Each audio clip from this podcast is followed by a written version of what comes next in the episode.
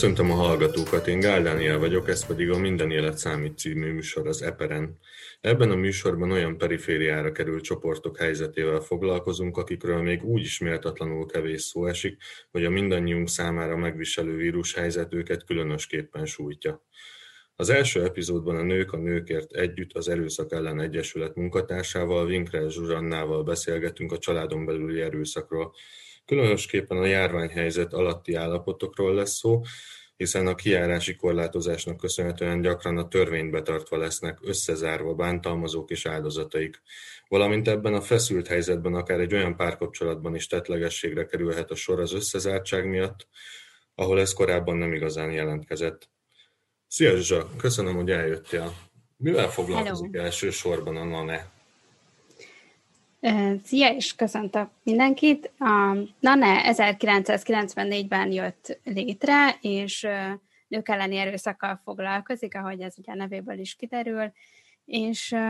hát alapvetően három szinten is tevékenykedik, egyéni, közösségi, illetve társadalmi szinten. A legismertebb tevékenységünk az ugye a segélyvonal, ezt, ezt viszonylag sokan ismerik,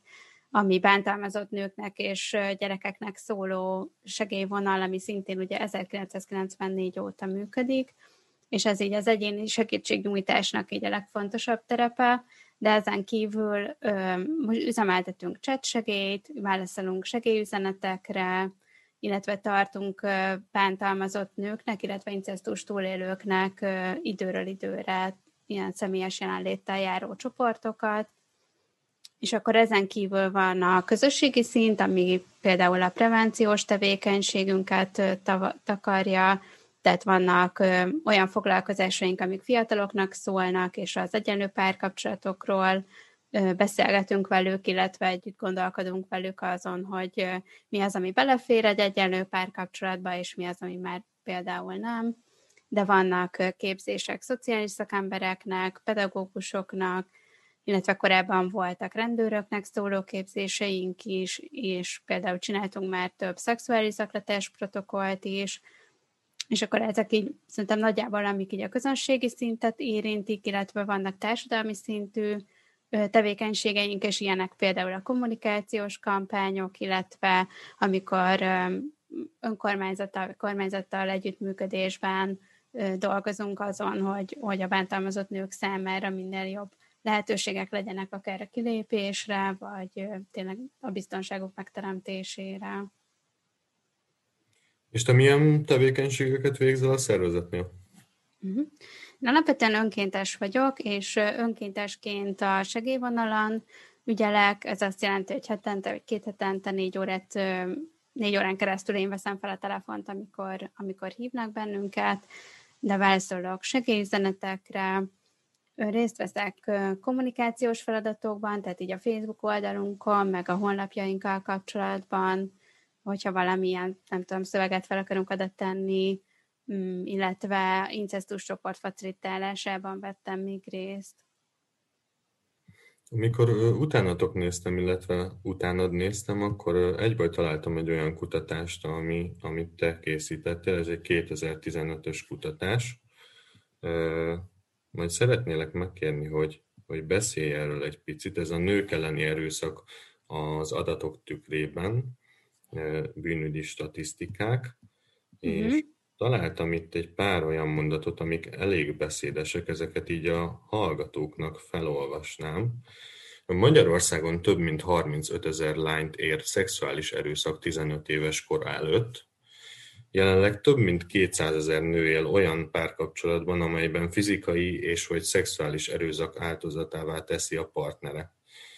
Magyarországon jelenleg közel 2 millió nő él, aki 75 éves kora előtt valamikor élt súlyos lelki erőszakot használó partnerrel párkapcsolatban, élete során közel 800 ezer nőt ért ezen kívül testi, és közel 300 ezeret szexuális erőszak is.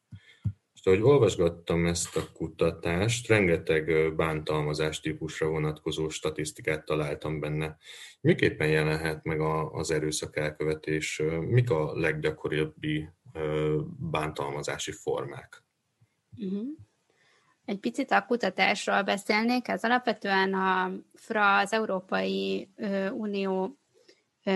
ilyen statisztikákkal, megkutatásokkal foglalkozó ügynökségének a kutatása volt, és ők az Európai Unió minden országában elvégezték ezt a kutatást, ami a nők elleni erőszakot és annak a különböző fajtáit mérte föl, és amit a kolléganőmmel Virt Judittal mi csináltunk, az az, hogy ezeket a, a százalékokat, mert ez ugye egy reprezentatív kutatás volt, de de 10 százalékokat tartalmazott, ugyebár nem konkrét számokat, hogy ez hány embert jelent. Összevetettük az egy évvel korábbi ö, népszámlálási adatokkal, és akkor így jött ki az, hogy ebb, vagy ebből jött ki az, hogy ez konkrétan hány magyar nőt érint, hogyha ezeket az adatokat ugye reprezentatívnak vesszük, és szerintem így ö, válik, vagy így kézzelfoghatóbb sokkal az, hogy hányan élnek közöttünk, akik, akik a különböző erőszaktípusokat megtapasztalták.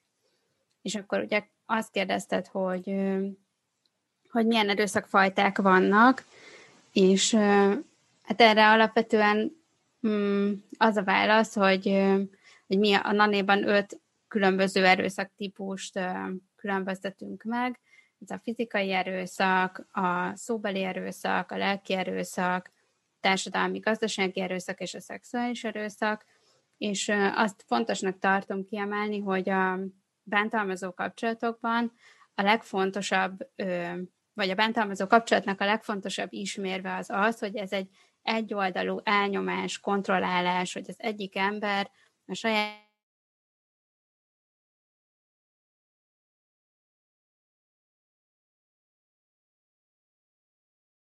eszközöket és az, hogy ezek milyen eszközök, azokat soroljuk bele ezekbe a különböző kategóriákba. Tehát, hogy van olyan bántalmazó, aki mm, használ fizikai erőszakot is, de azt mondjuk ritkán használja, de elsősorban mondjuk a társadalmi gazdasági erőszakot alkalmazza, ami mondjuk az elszigetelés, vagy az, hogy nem engedi dolgozni a partnerét, vagy nem tudom, hogy arra irányult a kérdésed, hogy mondjak példákat, hogy mik tartoznak ezekbe a kategóriákba? Én megköszönöm, hogyha mondasz, mert uh-huh. talán akkor, akkor egy bővebb képet kapunk, meg egy, meg egy kézzelfogható képet. Uh-huh.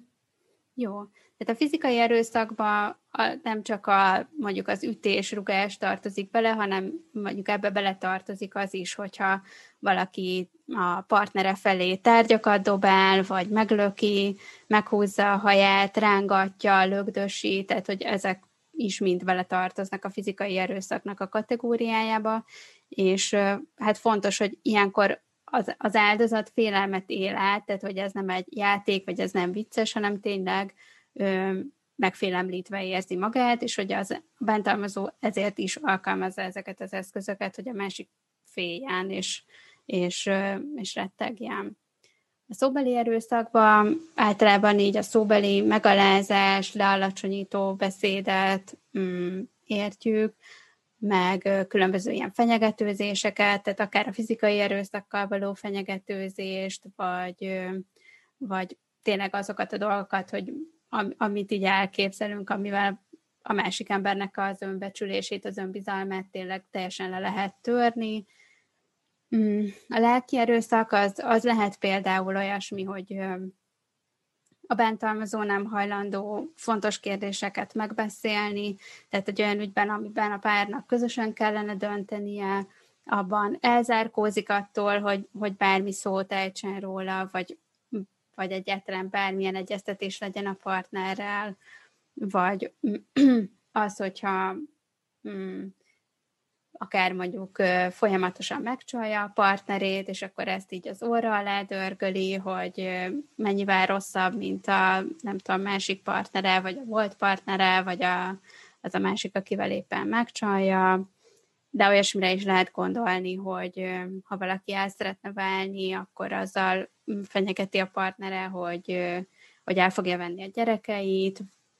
Mm, igen, tehát nagyjából így ilyeneket érdemes el, tehát vagy így kb. erre kell gondolni. Akkor a társadalmi gazdasági erőszak az pedig így az erőforrásoktól való elszigetelés, és, és itt ez alatt értjük egyben a kapcsolatoktól való elszigetelést, amit tényleg szinte minden bántalmazó kapcsolatnak így az egyik legfontosabb eleme, hogy, hogy az áldozat ne tartsa a kapcsolatot a korábban fontos emberekkel, tehát a barátaival, a családjával, a bántalmazó megpróbálja elérni, hogy minél kevesebbet találkozzon velük, akár konkrétan megtiltja, hogy beszéljen valakivel,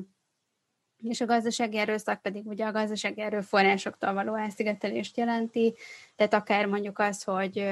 közös bankszámlához a nő nem férhet hozzá, vagy ez kifejezetten például így a terhesség, meg gyerekvállalás, kisgyerekes élet szakaszhoz tartozóan, hogy, hogy a férfi keres pénzt, a nő otthon van a gyerekkel, és akkor mindenre kérnie kell, vagy hogy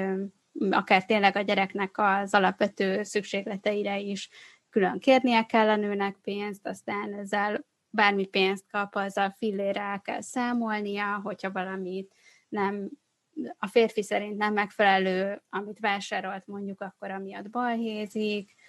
tehát, hogy ezek vagy valamilyen módon ellehetetleníti a munkavállalását, tehát például azzal, hogy oda megy a munkahelyére balhézni, és akkor egy idő után egy, ezt a munkahely nem tolerálja, és vagy emiatt fel kell mondania, hmm. és akkor emiatt például elveszíti a munkáját, vagy eleve tényleg azt mondja a férfi, hogy, hogy ne dolgozzon, és ennek lehet egyébként ilyen romantikusnak beállított formája is, hogy majd én eltartalak, és neked csak a gyerekek a dolgod, és, és nem kell semmivel se foglalkoznod, tehát hogy, hogy ez nem feltétlenül ilyen rögtön annyira egyértelmű, hogy mi történik. Mm. És akkor ugye a szexuális erőszak, hát ebbe is nagyon sok minden beletartozik, tényleg a akár a védekezésnek a megtagadása, akár az, hogy bármi olyasmit tesz a férfi, ami a nő akarata ellenére van, hogy olyankor is le kell feküdni a férfi valamikor a nő ezt nem akarja, vagy nem kívánja, vagy kifejezetten mondja, hogy nem szeretné, mm, vagy tényleg a nagyon a pornófogyasztást is lehet használni erőszakként, hogy mm, nem tudom, ezt tényleg így rengeteget használ pornót, és akkor elvárja azokat a dolgokat a nőtől, amit a pornóban lát. Ilyesmire kell gondolni. De közelmúltban gyakran vitás volt, hogy, hogy mit nevezünk családnak. Mit nevezünk családon belüli erőszaknak? Nekem még ez, ez nem teljesen tiszta, hogy mivel másabb mondjuk a, a partneri erőszak, vagy a családon belüli erőszak, hogy ezeket hogyan különböztetjük meg. Mm. Hát szerintem ezt sokszor egyébként felcserélve használják ezeket a fogalmakat, és lehet, hogy én is néha így használom. Tehát alapvetően ugye a párkapcsolati erőszakban azt értjük, amikor egy partnerkapcsolatban történik az erőszak, tehát ebben az esetben a gyerekeket nem értjük bele, hogyha kifejezetten arról beszélünk, hogy partner által elkövetett erőszak, családon belüli erőszaknál pedig beleértjük azt is, hogyha vannak az adott családba gyerekek, és, és őket is éri erőszak, vagy, vagy rájuk is halt a bántalmazás, amit mondjuk az apa az anya ellen követel. Uh-huh, uh-huh. És mekkora probléma ez Magyarországon? Hát Magyarországon ugye ebből a kutatásból, amire az előbb is utaltunk, az derül ki, hogy minden ötödik nőnek van olyan párkapcsolata, ahol élete során, ahol a partnere fizikailag is bántalmazza. Tehát ez egy eléggé elterjedt jelenség. Mm, Magyarországon is egyébként, meg így az egész világon, tehát nem csak, nem csak Magyarországon, hanem ez világszintű jelenség, hogy, hogy ők olyan párkapcsolatban élnek, ahol a partnerük valamilyen mondon bántalmazza őket. Nem tudom, hogy arról mennyire tudsz, hogy, hogy a régiós helyzet mennyiben hasonló a hazánkékhoz, hogy nálunk kiugróak-e a statisztikák, vagy esetleg, hogy ismersz olyan országokat, ahol, ahol, ahol élen járnak, már nem az erőszak elkövetésben, hanem inkább a jó gyakorlatokban. Uh-huh. Hát alapvetően szerintem ezt nagyon nehéz mérni mm, pontosan, hogy meg Magyarországon sem nagyon különösebben törekszenek rá, hogy pontosan mérjék ezeket a jelenségeket, és ezért nehéz válaszolni, hogy így általánosságban ki, vagy melyik kutatás mit ért bele abba, hogy párkapcsolati erőszak, vagy fizikai erőszak, mert ugye, ahogy az előbb így felsoroltuk, nagyon-nagyon sok minden ide tud tartozni. És azért a módszertanoktól erősen függ az, hogy mi az, amit kihoznak végeredményben. És a másik, amitől függ, az az, hogy mekkora a tudatosság azokban, akiket megkérdeznek. Tehát erre elég jó példa, hogy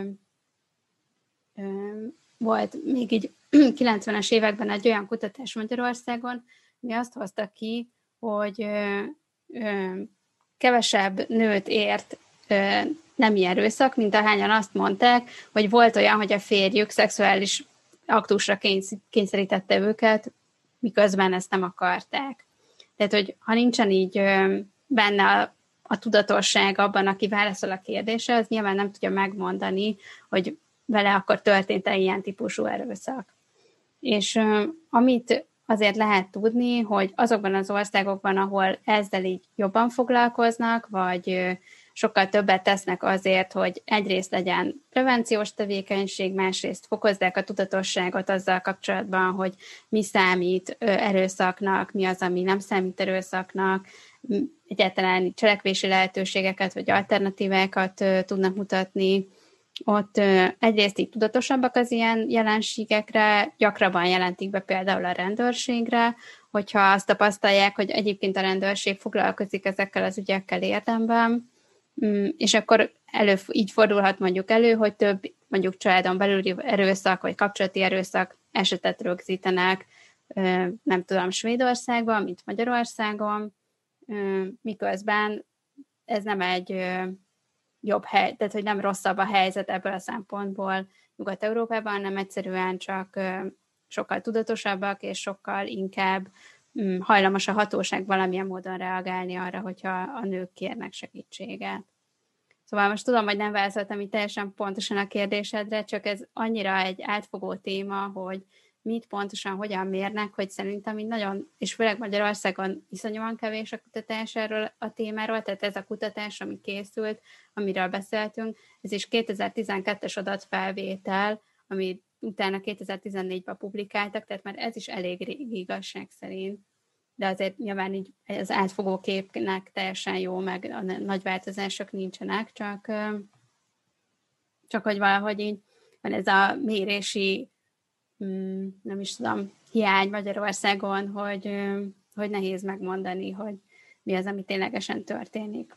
De azt például szerintem elég jól mutatja ez a kutatás, amit, amit mi is ugye összevetettünk a rendőrségi adatokkal, hogy ahhoz képest, hogy van Magyarországon mondjuk 220 ezer nő, aki aktívan, fizikailag is bántalmazó kapcsolatban van, és akkor ehhez képest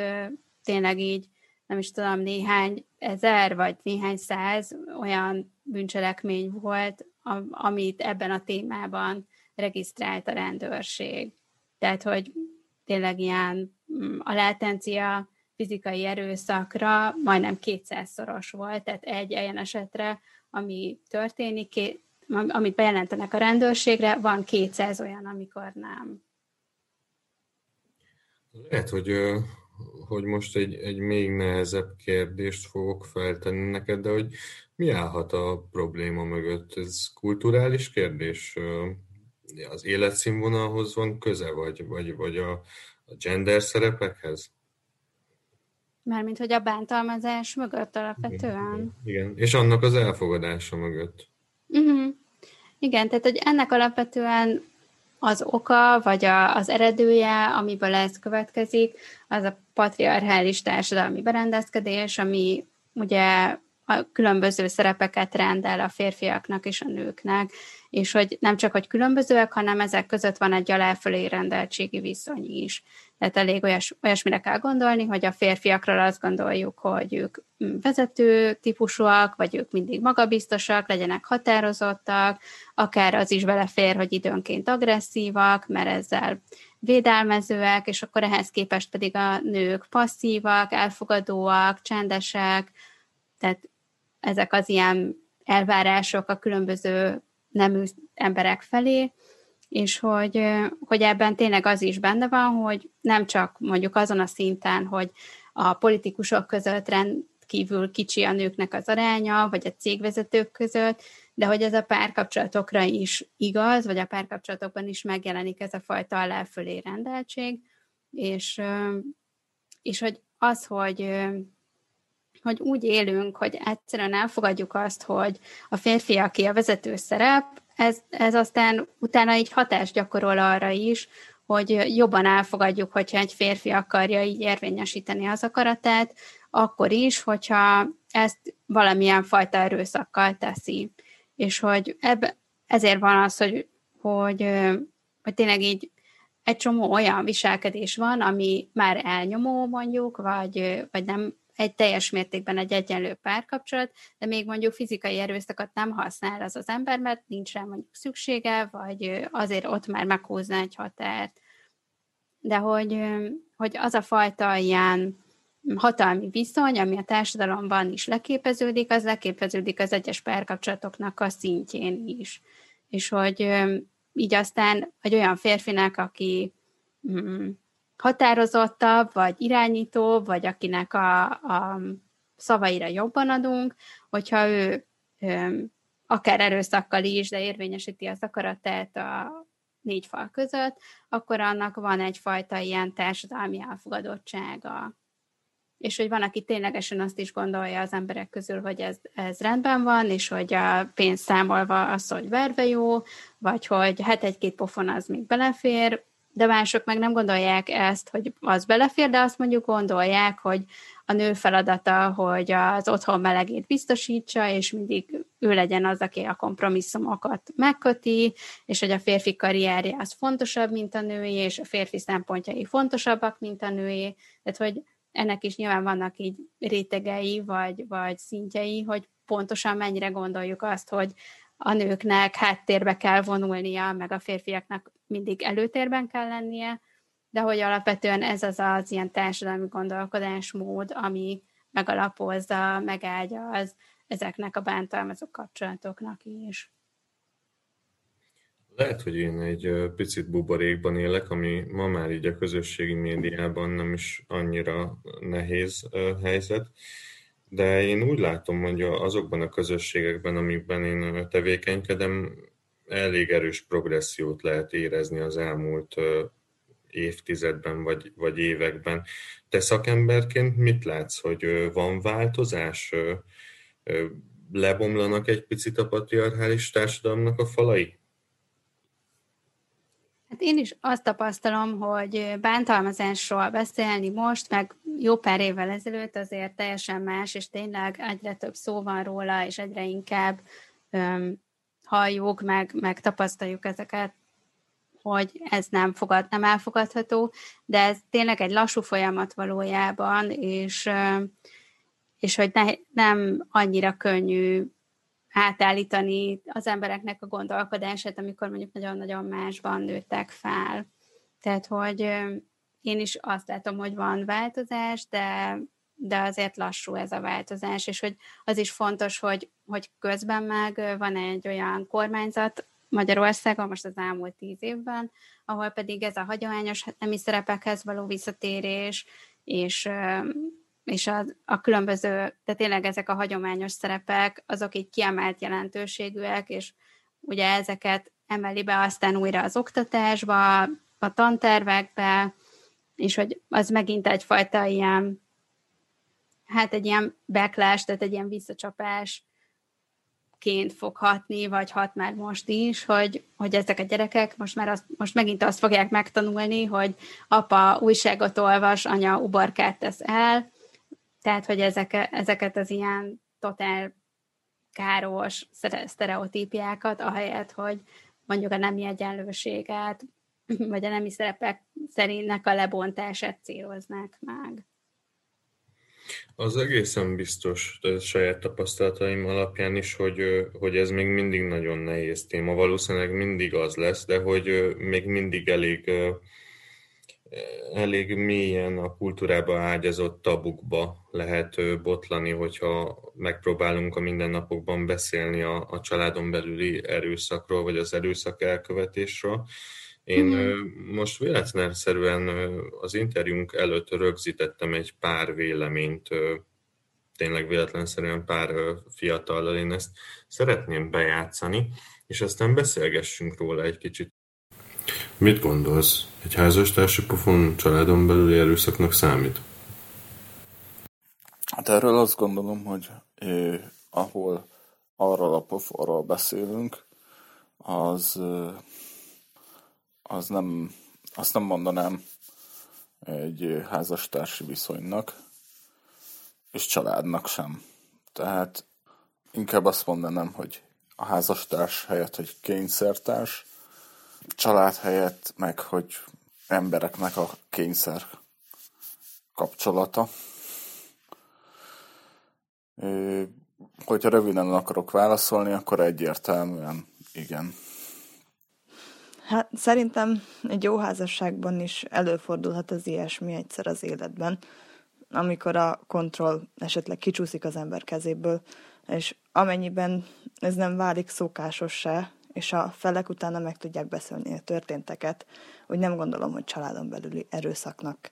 számít az ilyesmi. Szerintem annak számít. Nem tudom, van-e ilyen súlyozott kategória, de erőszak és kész. Mit gondolsz? A testi fenyítés része lehet a nevelésnek? Hogyha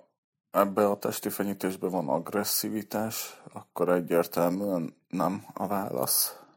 Ugyanakkor meg van egy elméletem, mi szerint a gyerekeknek tudniuk kell, hogy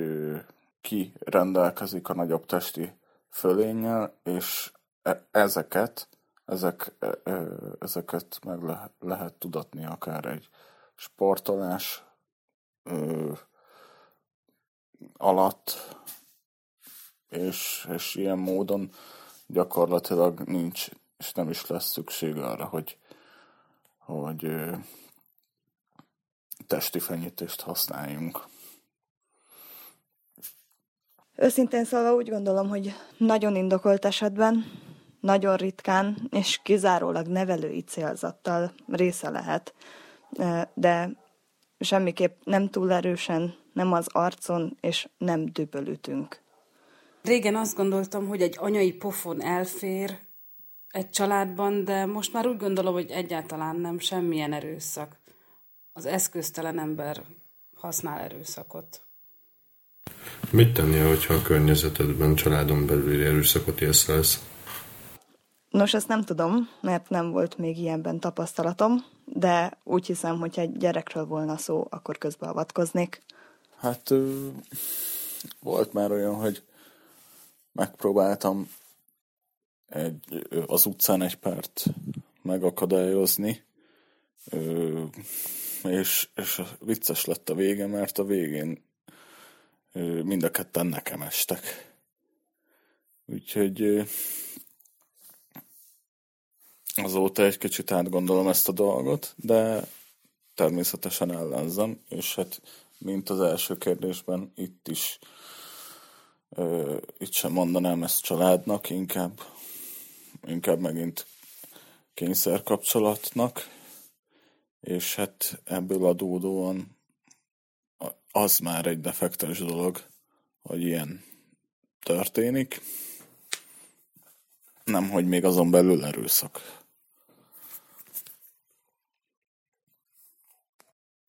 Hú, fogalmam sincs, nem volt még ilyen szerencsére. Gondolom, beszélnék az áldozattal, aztán megpróbálnék jelezni, vagy kideríteni, hogy kinek kell szólni, vagy nem tudom.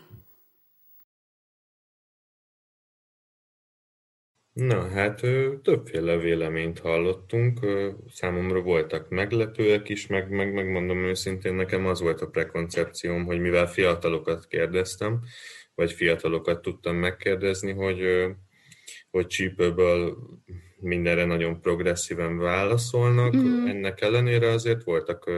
konzervatívabb vélemények, meg, meg, meg voltak egészen érdekes gondolatok is. Milyen a társadalmi vélekedés ma a, a családon belüli erőszakról? Mm. Hát, hú, ez egy, erre nem tudom, hogy hogy tudok egy általános választ adni, az így, így ketté választanám, meg szerintem így a, akiket most hallottunk, ők is külön említették a nők elleni erőszakot, tehát amikor a partner ellen követ valaki ellen erőszakot, és a gyerekekkel szembeni erőszakot. És így talán a gyerekekkel kezdeném, mert mostanában ez, ez megint egy ilyen aktív ö, téma, vagy hogy legalábbis így én is többet olvastam róla, hogy rengetegen vannak, akik azt gondolják, hogy a nevelés eszköze lehet a fizikai bántalmazás, vagy hát a fizikai fenyítés, de hogy Magyarországon egyébként mindenfajta testi fenyítés az bűncselekmény, tehát nem lehet a gyereketnek a kezére ütni, a fenekére ütni, a nem tudom, az arcára ütni, tehát ezeket mind nem szabad csinálni Magyarországon, és nagyon sokan vannak, akik ennek ellenére azt gondolják, hogy ez belefér, és egyébként érdekes, hogy még fiatalok is, akikről ugye azt gondolnánk, hogy, hogy progresszívek, ott inkább talán azt gondolom, hogy mivel ez még ennek a generációnak is a saját tapasztalata, hogy átéltek fizikai bántalmazást a szüleik részéről, ezért elfogadóbbak ezzel a fajta nevelési eszközzel, ami valójában egyébként sem nem hatékony, és, és igazából abszolút hát veszélyezteti a gyereknek a fejlődését, meg a biztonságát. Tehát, hogy nem a gyerekekkel kapcsolatban nagyon, tehát még így szóban is ezt így el, elmondják egy interjúban, hogy ez szerintük belefér, ez, ez hát nem, nem azt mutatja, hogy, hogy nagyon előre mutató, vagy nem is tudom, tehát hogy így a, a véleményük. Hmm. És párkapcsolati erőszakkal kapcsolatban meg nekem az a tapasztalatom, hogy elméletben sokan vannak, akik azt mondják, hogy hát igen, ez nem fér bele, bár itt is volt ugye olyan, aki azt mondta, hogy egyszer még azért előfordulhat, csak aztán a gyakorlatban, amikor oda kerül, hogy valaki megpróbálja megosztani a barátaival, ismerőseivel azt, hogy mi történik vele, akkor tapasztalja azt, hogy, hogy rengetegen mentegetik a férfit, hogy biztos csak ideges volt, vagy nem úgy gondolta, vagy egyáltalán nem hisznek az áldozatnak, tehát hogy az áldozat hibáztatásnak a különböző formái azok abszolút élnek és virulnak a társadalomban, és nagyon sokszor tapasztaljuk. És tényleg azt hallják sokszor az áldozatok, hogy, hogy ezt ők, tehát hogy nem igaz, amit mondanak, vagy hogy ez nem lehetséges, és ugye többen is mondták, ké, talán két válaszoló is, hogy ő nem találkozott még ilyen helyzettel, miközben ugye tudjuk a statisztikát, hogy minden ötödik nőnek van ilyen kapcsolata, tehát hogy valószínűleg találkoztak már olyannal, aki érintett, sőt, biztos, hogy közelről is ismernek olyat, aki érintett bántalmazó kapcsolatban, de hogy ők mégsem azonosítják ezt annak, és nem így kezelik, vagy nem így reagálnak rá, vagy, vagy nem eléggé nyitottak ahhoz, hogy, hogy erről beszéljenek nem tudom, hogy a társaságokban, tehát abszolút fiatal lányok is kerülnek bántalmazó kapcsolatban, nem csak, nem is tudom, anyukák, szóval itt teljesen így furcsa nekem, hogy, hogy ennyire úgy álltak hozzá, hogy ők ilyen helyzettel még egyáltalán nem találkoztak. És hát igen, ez azt erősíti meg igazából, hogy, hogy elméletben azt mondják, hogy ez nem fér bele, meg nincsen rendben, de hogy a gyakorlatban pedig nem ismerik fel ezeket a mintázatokat. Eddig egy picit általánosságban beszéltünk az erőszakról és a bántalmazásról, viszont ugye a, a, a mai témánk az kifejezetten a koronavírusban az áldozatoknak a helyzete. Mondtad, hogy a segélyvonal üzemeltetésében is valamilyen formában részt veszel. Milyen hatással van a kiállási korlátozás és a karantén a családon belüli erőszakra? Hát nekünk az a tapasztalatunk, hogy, hogy ez az időszak, ez tud, de tud olyan hatást gyakorolni, hogy például fokozódik az erőszak azokban a kapcsolatokban, ahol már egyébként is egy erőszakos partnerrel van együtt a nő. Attól, hogy valakik karanténban vannak együtt, vagy most az elmúlt egy évben mm, mind megtapasztaltuk a, a koronavírust, meg a kiárási tilalmat, meg a kiárási korlátozásokat, e, e, tehát hogy ettől önmagában nem válik egy nem bántalmazó kapcsolat bántalmazóvá. Hogyha egy kapcsolatban bántalmazás, a bántalmazás fokozódik egy ilyen helyzetben, az, az abszolút ezt tapasztaltuk, de hogy nem az történt, hogy hirtelen lett egy csomó bántalmazó kapcsolat, hanem hogy inkább az, hogy, hogy ezek a helyzetek exkalálódtak, egyre súlyosabb lett, vagy már így annyira súlyos lett, hogy, hogy muszáj volt segítséget kérni az illetőnek. És a másik pedig, amit tényleg az elején említettem a beszélgetésnek, ez a társadalmi gazdasági erőszaknak a része az elszigetelés, és hogy a karantén és ez az időszak mm, egy különösen alkalmas időszak volt a bántalmazóknak, és abszolút fel is használták ezt, hogy minél jobban tudják ellenőrizni, kontrollálni a partnerüket, hogy a, ezekre a kiárási tilalomra, a vírus elleni védekezésre hivatkozva megakadályozzák azt, hogy a nő tartsa a kapcsolatot azokkal az emberekkel, akik az ő számára fontosak, vagy akik tudnának neki segíteni, akkor azt is tapasztaltuk mi is, meg, meg valamilyen kutatást is olvastam erről, hogy az online erőszak is megnövekedett, ami azt jelenti, hogy ezek a bántalmazók, akik együtt élnek a partnerükkel, sokkal könnyebben hozzáférnek így az eszközeikhez, és akkor elolvassák az üzeneteiket, meg akár tényleg ilyen kém programokat telepítenek az eszközeikre, tehát hogy így kiterjesztik teljesen ezeket az ilyen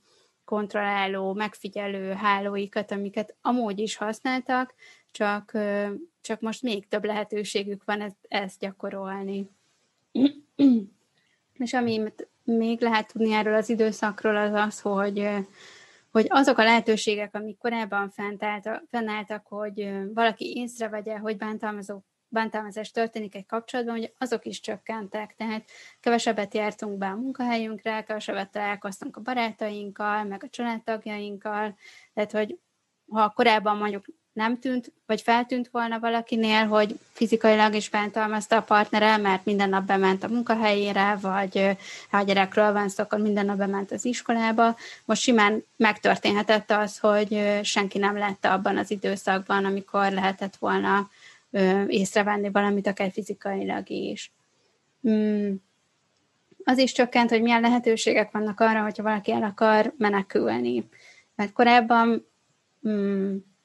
volt, tehát hogy illetve nem csökkent, csak hogy tényleg így korlátosabb lett, vagy így sokkal nehezebb lett azt megszervezni, hogy valaki ki tudja menekülni egy kapcsolatból. Ennek így az is az oka, hogy eleve, hogyha valakinek nincsen anyagi bázisa, vagy nincs olyan családja, aki tudja támogatni, akkor eleve iszonyúan kevés férőhely van Magyarországon, hogyha valaki el akar menekülni anya otthonba, vagy titkos menedékházba.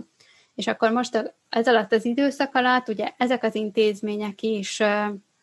vagy szigorú protokollt vezettek be arra, hogy ki az, akit fogadnak, és akkor ezáltal ugye még nehezebb volt oda menni, vagy most ugye a harmadik hullám alatt hallottunk olyanokat, hogy ugye az intézményben is van fertőzött, és akkor emiatt nem tudnak fogadni új embert, tehát hogy ezek a lehetőségek is szűkültek, és ugye az is előfordult, hogy valaki mondjuk a szüleihez nem akart menni, mert félt attól, hogy megfertőzi őket, tehát hogy abban az időszakban, amikor még ugye nem voltak oltások, addig, addig ez is egy ilyen külön extra kockázat volt az érintetteknek. Szóval, hogy ez így minden szempontból megnehezítette a helyzetet, és, és emiatt viszont tényleg több olyan hely, tehát egyrészt úgy tudom, hogy a bűncselekmények száma is megnövekedett, ami a kapcsolati erőszakot, meg ezeket a tényállásokat illeti, meg az okitnál mértek, vagy hát legalábbis tavaly azt hiszem április körül nyilatkozták azt, hogy náluk is nagyon megnövekedett a segélykérőknek a száma, ami azt jelenti, hogy tényleg így azok az korábbi, vagy ez akár azt is jelenteti, hogy azok a korábbi megküzdési stratégiák, amikkel rendelkeztek, vagy ahogy megpróbálták ezeket a helyzeteket az érintettek kezelni, azok már abszolút nem voltak elérhetőek, és muszáj volt a rendőrséghez fordulni, és többen fordultak, mint korábban. És mennyire növekedett meg a hozzátok beérkező segítségkéréseknek a száma? Hát bennünket mindig, tehát a mi vonalunk az folyamatosan leterhelt, tehát előtte is nem volt sosem olyan, hogy ülünk a vonal mellett, és akkor nem csörög, szóval nálunk ezt nem tudtuk annyira lemérni, hogy többen keresnek minket, inkább azt tapasztaltuk, hogy főleg az alatt az időszak alatt, amikor 8 órától, meg 10 órától ugye nem lehetett már kimenni otthonról, hogy akkor kevesebb érintett, viszont több segítő telefonált nekünk. Tehát mondjuk azok a segítők, akik valahogy tudták tartani az érintettel a kapcsolatot, a szülei vagy barátnője, akkor ő telefonált nekünk, és akkor ő tette fel azokat a kérdéseket, amik, amik az érintettet foglalkoztatták, csak ugye nem tudták ők maguk feltenni. És akkor még tavaly április vagy májusban kezdtük el a chat szolgáltatásunkat, szintén ugye emiatt, hogy ha valaki nem tud telefonálni, de cseten el tud minket érni, akkor, akkor legyen egy plusz lehetőség ezekben a helyzetekben is, hogy hogy, hogy tud egyáltalán információhoz jutni. És ilyenkor hogyan tudtok segíteni, vagy, vagy, vagy mi a protokollotok, mi szokott ilyenkor történni? Hmm. Hát minket elsősorban ugye nem ilyen abszolút krízis helyzetben szoktak hívni, mert amikor már olyan szintű veszélyben van valaki, hogy most éppen fizikailag bántalmazzák, és tud telefonálni, akkor ugye a rendőrséget hívja. Tehát, hogy minket általában olyan helyzetben hívnak, amikor tudnak egy picit nyugodtabban beszélni, akár hosszabb időn keresztül, és ami a fő mm, profilja ezeknek a beszélgetéseknek az az, hogy egyáltalán mik a lehetőségek, hogy, hogyha sokszor az is, hogy ez egy bántalmazó kapcsolata vagy nem, és hogyha igen, akkor mi várható, hogy mi fog történni,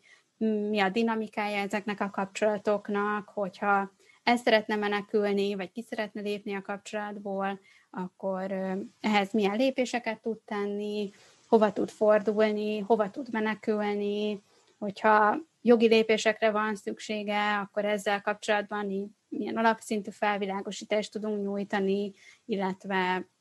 tovább tudjuk irányítani olyan szervezetekhez, elsősorban a Patentegyesülethez, akikkel célzottan jogi segítségnyújtással foglalkoznak, Mm. És alapvetően így nagyon sokszor ez egy, egyfajta ilyen megerősítő beszélgetés arról is, hogy amit esetleg korábban másoktól nem hallott az érintett, hogy azok a tapasztalatai, amik vannak, azok valóban ténylegesen nagyon súlyos dolgok, és hogy egyáltalán nem bagatel dolgok, hogy jogos, hogy fél a partnerétől, és teljesen érthetőek a reakciói, és tényleg egyfajta ilyen ez egy lelki segély ebben a szempontból, tehát hogy, hogy egy támogató, meghallgató beszélgetés. Azon túl, hogy információkat is adunk át, persze. A közelmúltban én civilben, civilben egy gyermekotthonban dolgozom, és az egyik nagykorú utógondozottunkat a, a partnere bántalmazta, viszont Ugye mi egyből feljelentést akartunk tenni a rendőrségnél, de teljesen süket fületre találtunk, nem is jöttek ki, és, és, és nem is tudtunk feljelentést tenni. Mm. Mit, mit tud tenni, vagy mit kellene tennie a rendőrségnek egy ilyen esetben? Van egy bevett